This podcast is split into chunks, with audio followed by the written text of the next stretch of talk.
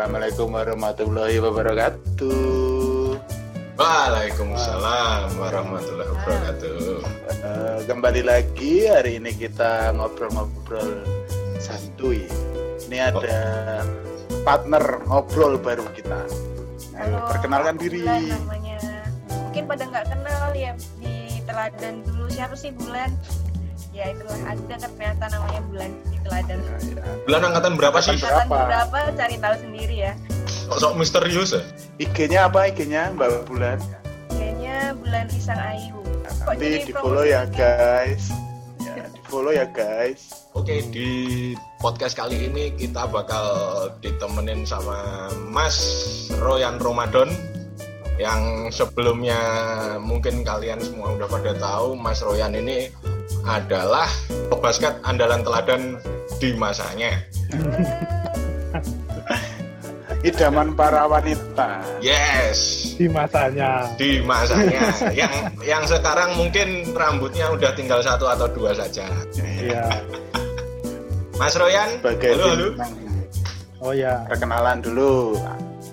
Ya, jenengku Royan. Uh, akan kira, 2011 kode peyok Mas Royan ini salutnya tuh masih peduli masih mau ngurus-ngurusi membuat alma maternya sekolah SMA BTW aku sok-sok ngomong ngurus-ngurusi emang Mas Royan ini ngurusi apa? aku ngerti ya iya. Ya ini Mas bisa, ngurusin apa? bisa dijelasin Mas. Ini sekarang lagi coba ngurusi ngurusin badan. Oh iya. Nek nek kowe gembrot ya iso. Iso dijak nek Ayo bisa diajak mungkin untuk ngurusin badan. Kalau masalah ngurusin alma maternya? Uh, lagi selama berapa ya? Sejak tahun 2017 mungkin jadi istilahnya manajer lah, manajer manajeran itu sih.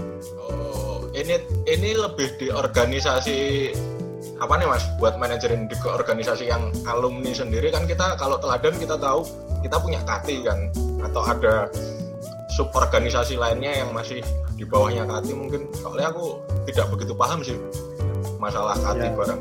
Ya, jadi emang orang-orang mesti bingung antara Kati dan Kati Foundation itu koyo piye to kok ono ono Kati, ono Kati Foundation. Nah, sebenarnya kan uh, Kati itu induk induk dari organisasi. Jadi perkumpulannya itu namanya Kati. Kalau mm-hmm. Kati Foundation itu di bawahnya Kati, Kati sendiri. Jadi uh, istilahnya yang berbadan hukum. Jadi mereka itu melakukan penggalangan dana, lalu kegiatan yang ber, apa ya, berkelanjutan, misal uh, beasiswa, terus klasifikasi dan yang lainnya. CKT itu hanya perkumpulan dan kalau ada event dadakan, misal lustrum itu KT. kalau ada event dadakan lagi yang lain kayak ini uh, teladan melawan COVID ini kan juga uh, kerjasama sama Kati, terutama induknya Kati, Kati Foundation yang fundraising, fundraising lah gitu, jadi yang oh, mengumpulkan dananya. Hmm. Intinya ini sih saja nih, singkati itu perkumpulan, singkati foundation itu yang berbadan hukum. Oh oke okay, oke, okay. berarti nih uh, sebenarnya Kati Foundation ini adalah sub organisasinya dari Kati sendiri ya secara general. Iya betul betul. Nah awalnya Kati Foundation ada ini sebenarnya tujuannya buat apa sih mas? Uh, saja nih karena berbadan hukum jadi jelas kan loh KATI sebagai organisasi yang perkumpulan itu uh, tidak ada apa ya sini pertanggungjawaban dan lain-lain itu ya beda lah. Jadi kita kan kayak pajak juga laporan pajak pengeluaran penghasilan juga laporan tahun ini apa sih yang dilakukan ya laporan. Jadi emang terperinci gitu kalau untuk organisasi kemungkinan itu susah untuk dilakukan. Jadi biar sebenarnya uh, kenapa harus ada Kati Foundation nih sebenarnya ben bisa ini ya ngetrace pergerakan apa aja sama mungkin evaluasi-evaluasi yang telah dilakukan dari foundation ini biar lebih terperinci kali ya dan lebih jelas. Ya, oh. Betul. Lanjut, Bu. Uh, Lali tapi bening struktur organisasinya Kati Foundation sendiri tuh gimana sih? Bisa diceritain? Ada pembina, pengawas, pengurus, dan sesuai akta ya. Hmm. Jadi akta itu harus dicantumkan pembina pengurus pengawas untuk syarat membentuk suatu yayasan itu. Terus eh, ada pelaksana kegiatan. Jadi setelah pembina pengurus pengawas itu ada pelaksana kegiatan. Jadi yang lebih bekerja di sini yang di bawah itu pengurus dan pelaksana kegiatan. Terus nek misalnya di dalam apa namanya struktur organisasi tersebut itu berarti orang-orang itu yang ada di dalamnya itu eh, semacam volunteer kah? Atau memang eh, merekrut orang-orang? Ah, ada ada rekrutmen atau iya mas yang boleh wong Eh, jadi untuk yang di atas pembina pengurus pengawas itu pure volunteering. Eh, pelaksana kegiatan itu ada honornya sih. Jadi ada gaji bulanan dan mereka kerjanya full time. Ketua, sekretaris dan bendahara itu tetap setiap 4 tahun itu tetap yang berganti itu pelaksana kegiatan. Jadi kalau divisi-divisi terus uh, manaj manajer sih aku ya kata ini. Nah, berarti abadi yang juga itu berarti manajer ya manajer abadi Karena gini sih sajane konsep dari awal ki memang ada dua pilihan sajane. Harus ada orang yang memang uh, di situ lah, maksud di situ ki satu orang yang menjaga. Ben orang keputus soalnya beberapa orang Kati Foundation itu walaupun jadi pegawai itu hanya beberapa saat, kadang ada yang enam bulan, ada yang setahun juga sih, ada yang sampai dua tahun juga ada. Mereka tuh berganti-ganti karena istilahnya sebagai batu loncatan aja gitu. Jadi setelah lulus mereka biasanya kan urung mulai gawean. Hmm. Nah, mereka bantu dikati dulu. Jadi mereka mendaftar biasanya sing daftar ki kakak fresh graduate sing sekaligus mencari pekerjaan loh. Jadi sekaligus mencari opportunity eh, terus singgon Kati Foundation saya untuk ya celek bermanfaat saya.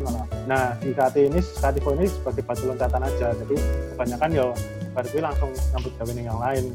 ya paling enggak tuh kan yang dicari mungkin ini ya kali apa experience kali kan karena fresh graduate itu butuh ngisi CV ya lo gitu ya Ya, kebanyakan ya ada yang kayak gitu di CCTV. Terus eh, beberapa lebih juga ke relasi sih, pada ngambil relasi. Iya, ono cerita gitu ya. Jadi ada salah satu orang yang habis ikut bantu lah sekitar setahun di yayasan. Eh, orangnya ini lumayan aktif, terus habis itu ke UGM. Kalau dia pengen kuliah di UGM, S2 lah. Ini kok dilalah, sing wawancara kan apply beasiswa, apply beasiswa. Lah, kok dilalah, sing wawancara ki ya tah teladan. Terus ditekoni malah gitu malah ngobrol-ngobrol tentang SMA juga piye aku wis muni ngene paling gue ketompo lah ngono. Dan akhirnya ketompo. Karena relasi itu yang lain mungkin bisa dapat 75%, 25%, 50% beliaunya ini dapat 100% full uang kuliahnya itu ditanggung beasiswa tersebut. Ya banyak orang yang nyari itu dan beberapa juga nyari kan kita juga sering ke Jakarta tapi beberapa nyari opportunity juga sebenarnya nek didelok anu ya cukup positif juga ya maksudnya dari benefitnya ikut foundation ini cukup positif nih loh dengan kita bisa membuka peluang karir kita ke depan sama Betul. experience kita yang baru di situ sih sebenarnya buat fresh graduate kan apalagi. Ya. cuma masalahnya mas. Btw btw btw kita kan kadang-kadang nggak tahu ada masalah open recruitment foundation dan lain sebagainya. Aku fresh graduate nganggur kurang-kurang bulan raono tulisan Kati Foundation Open Recruitment. Nah, itu kita bisa mencarinya di mana dengar belum mbak? Eh, yayasan itu sebenarnya beberapa kali melakukan open recruitment. Itu ya di share ning Instagram. Mungkin tahun 2017 2018 itu mulai di share Instagram.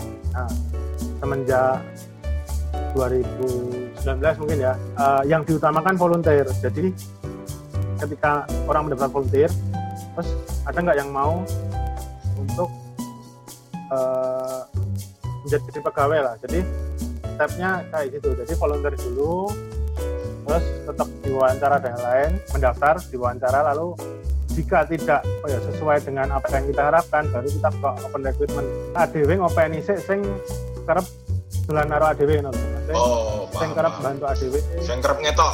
Kan kita juga buka open volunteer kan di open memang Hmm. beberapa kali di open. Ketika pergantian tahun masih di open. Jadi informasi-informasi mengenai pervoluntiran karo perekrutan itu tadi adanya di IG-nya Kati Foundation ya mas? Iya betul. IG Oh. dan FB biasanya. Oh ya, mau nanya dong ini agak sedikit bodoh ya kayak pertanyaannya cuman aku penasaran kan Kati Foundation itu kan udah jadi badan hukum which mean itu tuh udah kayak ya kayak umum gitu loh maksudnya hmm, kayak perusahaan yayasan umum gitu kan. Nah itu ada nggak Ya. sih yang eh, apa volunteer yang bukan orang teladan gitu yang daftar ke situ iseng gitu? Volunteer ada sih. Swing anak anak tah DB barang malah melu sumpah.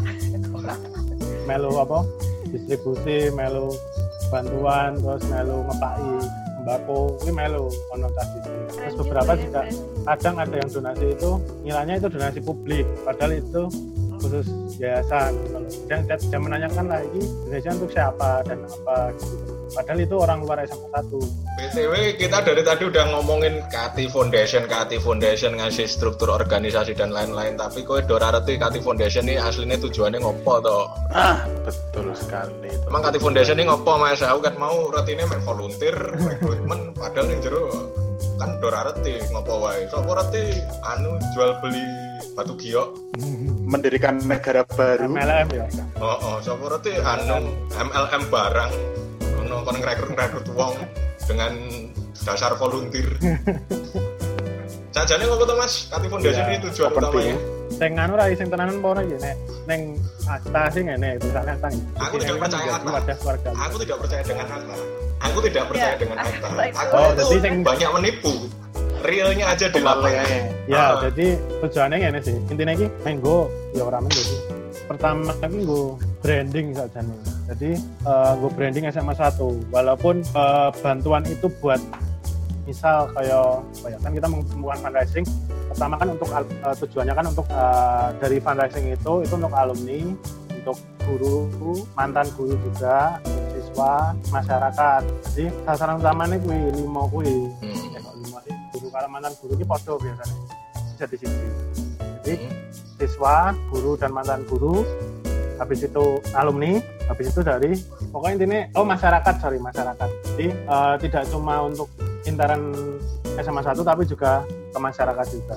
Tujuan utamanya untuk menjaga kualitas SMA 1 dan juga untuk branding keluar SMA 1 Oh, oke oke. ini intinya yang mengono Realnya seperti itu ya di lapangan nih. ah ah, betul. Untuk fundraising terus eh, dikembalikan lagi uang-uang itu dipergunakan untuk pos-pos yang disebutkan tadi. Berarti tapi nek misalnya eh, dengan tujuan-tujuan tersebut setelah berapa tahun ya?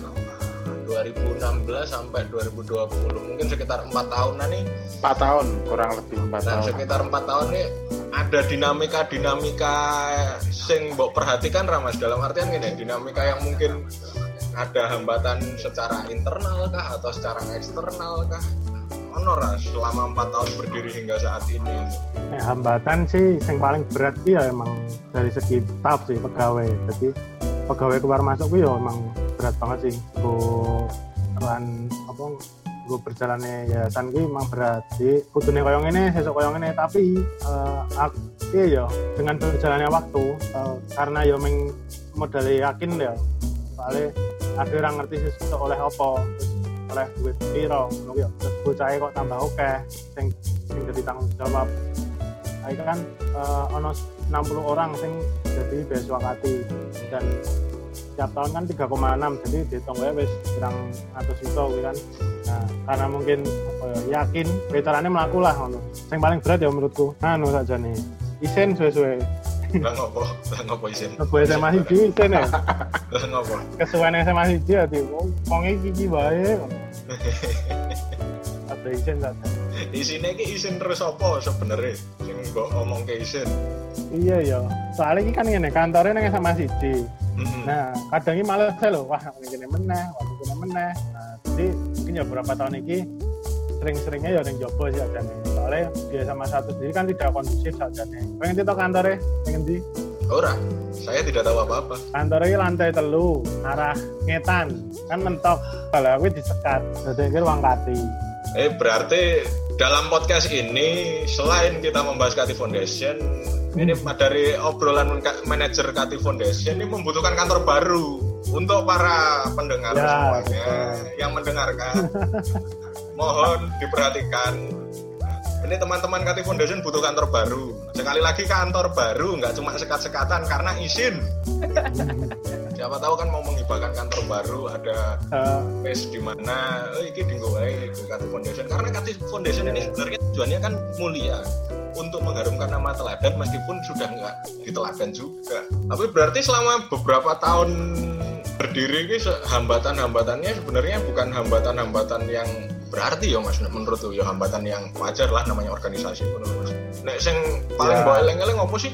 Ono, mungkin ono anu sesuatu yang mengganjal lho iki ketoke marai ra iso mlaku iki. Iki ketoke marai ra iso maju. Nek kesulitan iki ono ya. Hampir semua yayasan kuwi kesulitan ning operasional jadi kayak sekretariat buku wedang, buku opo, buku gaji pegawai, yang tak pelajari ya hampir ke semua yayasan itu mempermasalahkan hal itu di segi sekretariatan, sekretariatan jadi kalau pegawai dan lain-lain itu susah.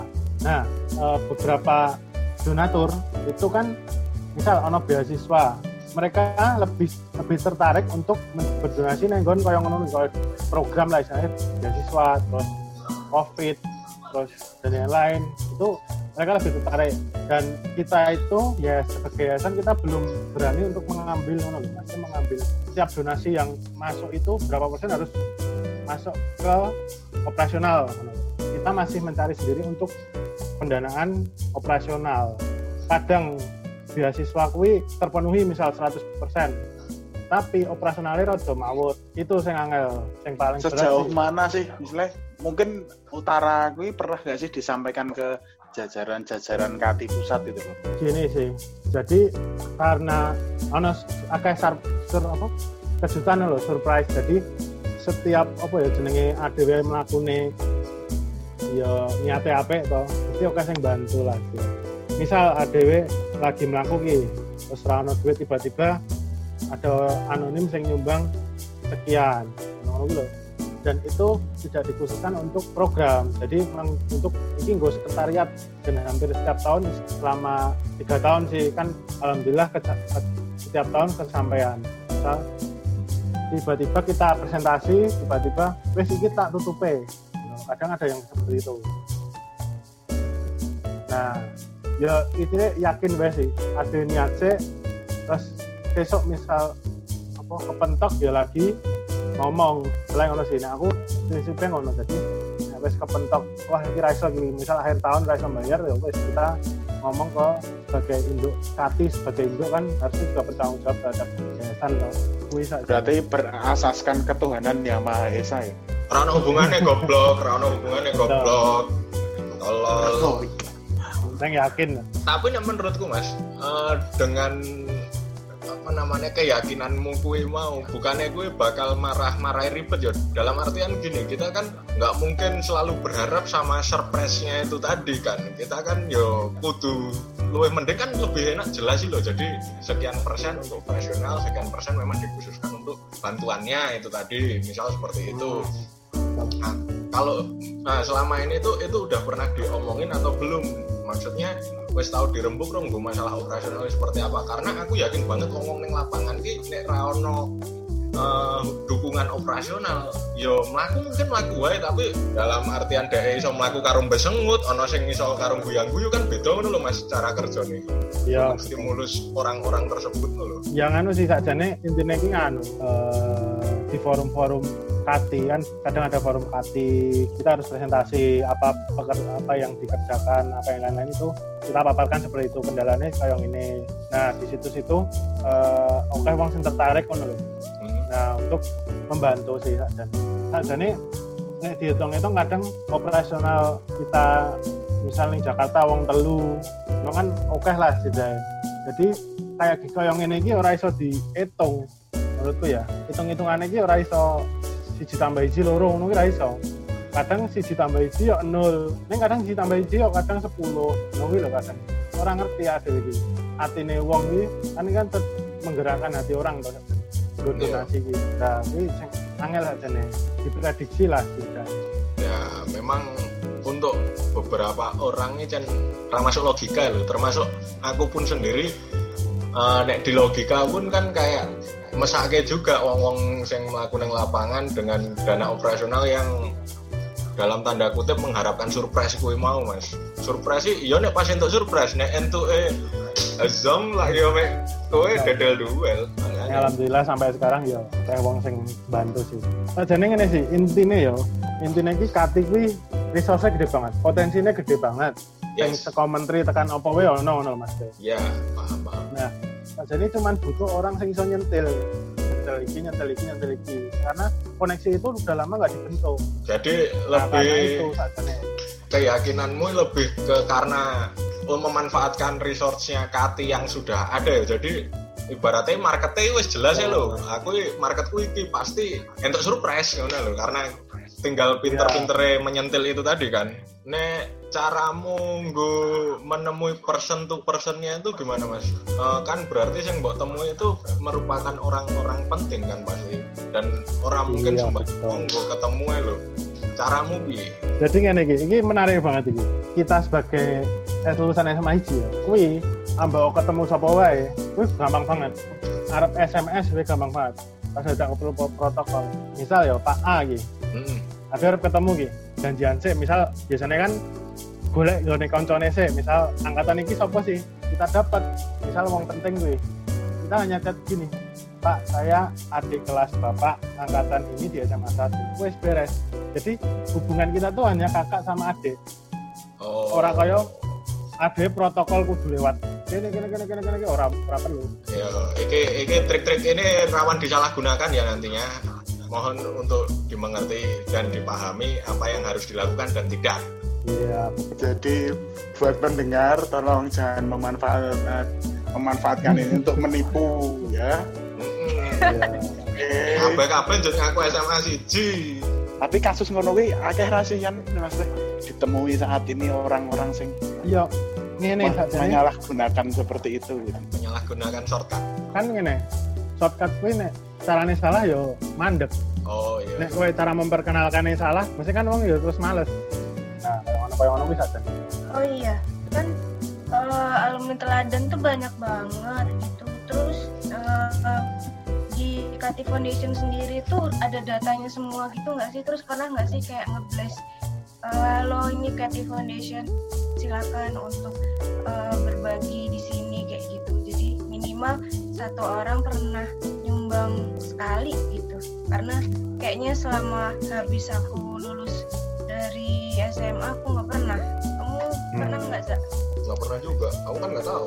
Dibilang aku baru tahu beberapa hari yang lalu. kok. mungkin itu bisa jadi cara Kati menggalang dana lebih banyak lagi gitu dari para orang Nah, itu sakjane karena lama mungkin ya, lama nggak apa ya jenenge nggak diurus mungkin ya menurutnya bahasaku sih. Dan untuk data itu sebenarnya pelan-pelan sih. Kita sajane wis di data ewonan tapi ya cuma sekedar nama dan ini untuk menggalang dana itu sebenarnya kan cara-cara kreatif sih sajane banyak orang yang tahu tapi mungkin kurang tertarik dengan programnya ADW untuk masalah fundraising makanya kita mencoba eh, program-program ini dan merawat donatur yang sudah masuk. Eh, menurutku kalau untuk database KATI seluruhnya yang sebanyak itu mungkin wewenangnya di organisasi ya, jadi KATI pusat. Tapi yang jelas berarti nek untuk database ini paling nggak udah ada pegangan ya meskipun itu mungkin ya jauh dari kata lengkap kan.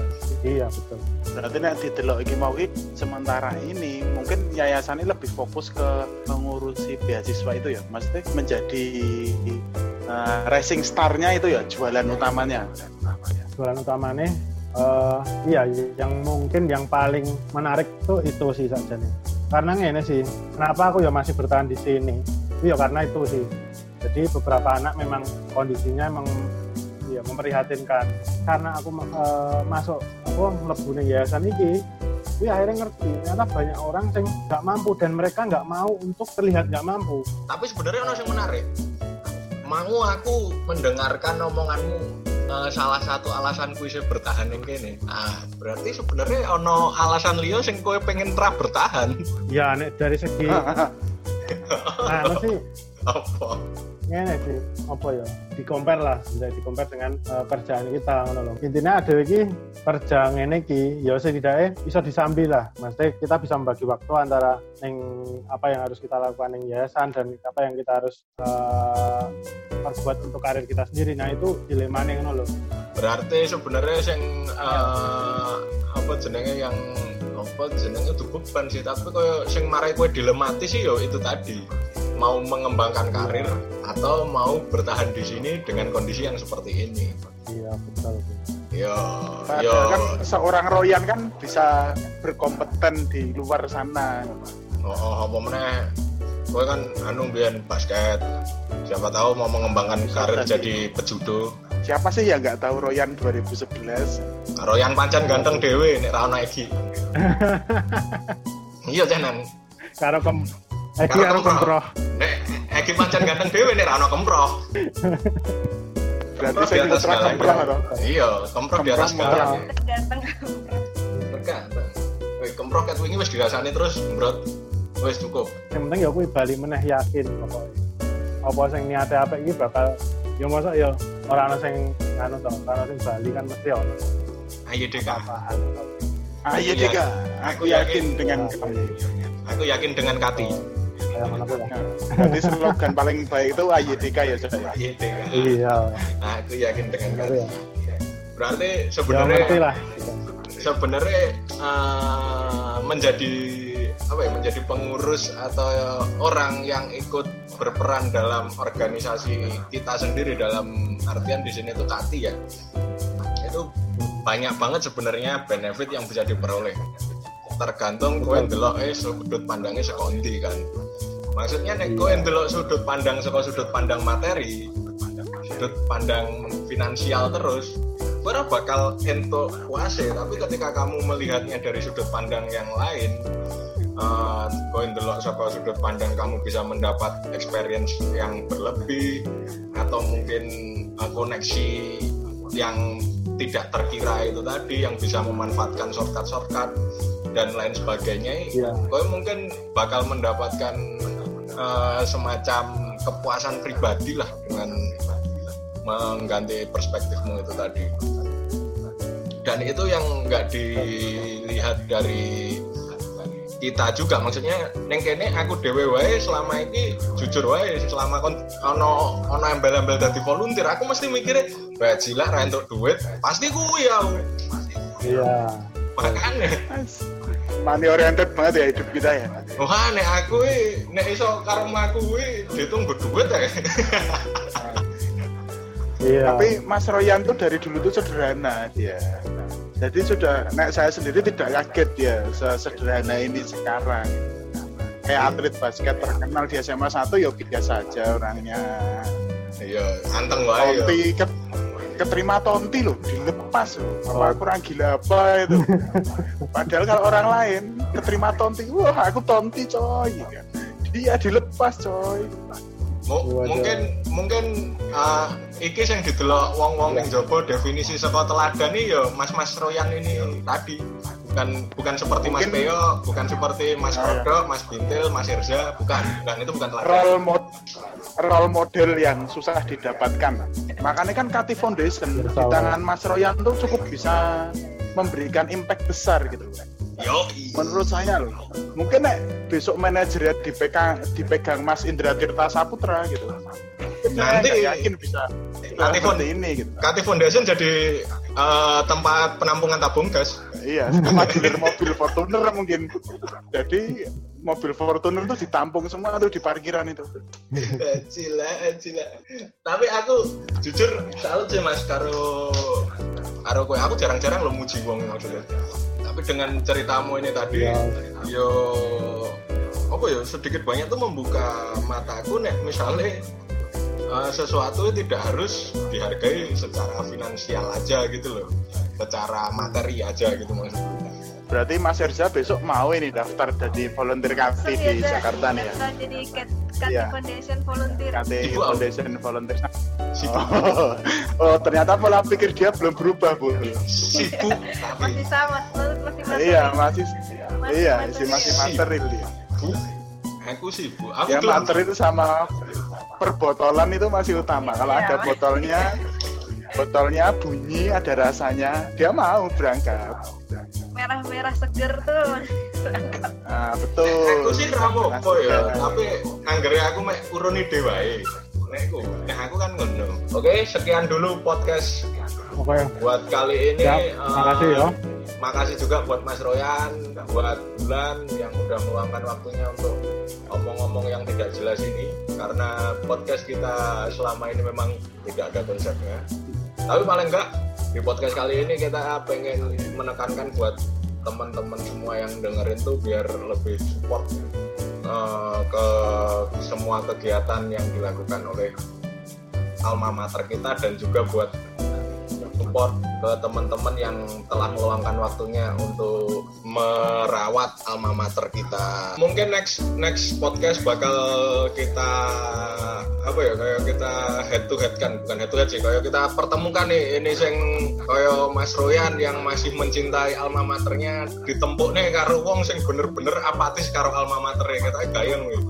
Oh ya, ada itu banyak aku narasumber yang apatis terhadap angkatan itu banyak. Bisa nanti kita tempukkan di sini. Ya sudah, sementara itu dulu. Assalamualaikum warahmatullahi wabarakatuh. Waalaikumsalam. Waalaikumsalam. Dadah.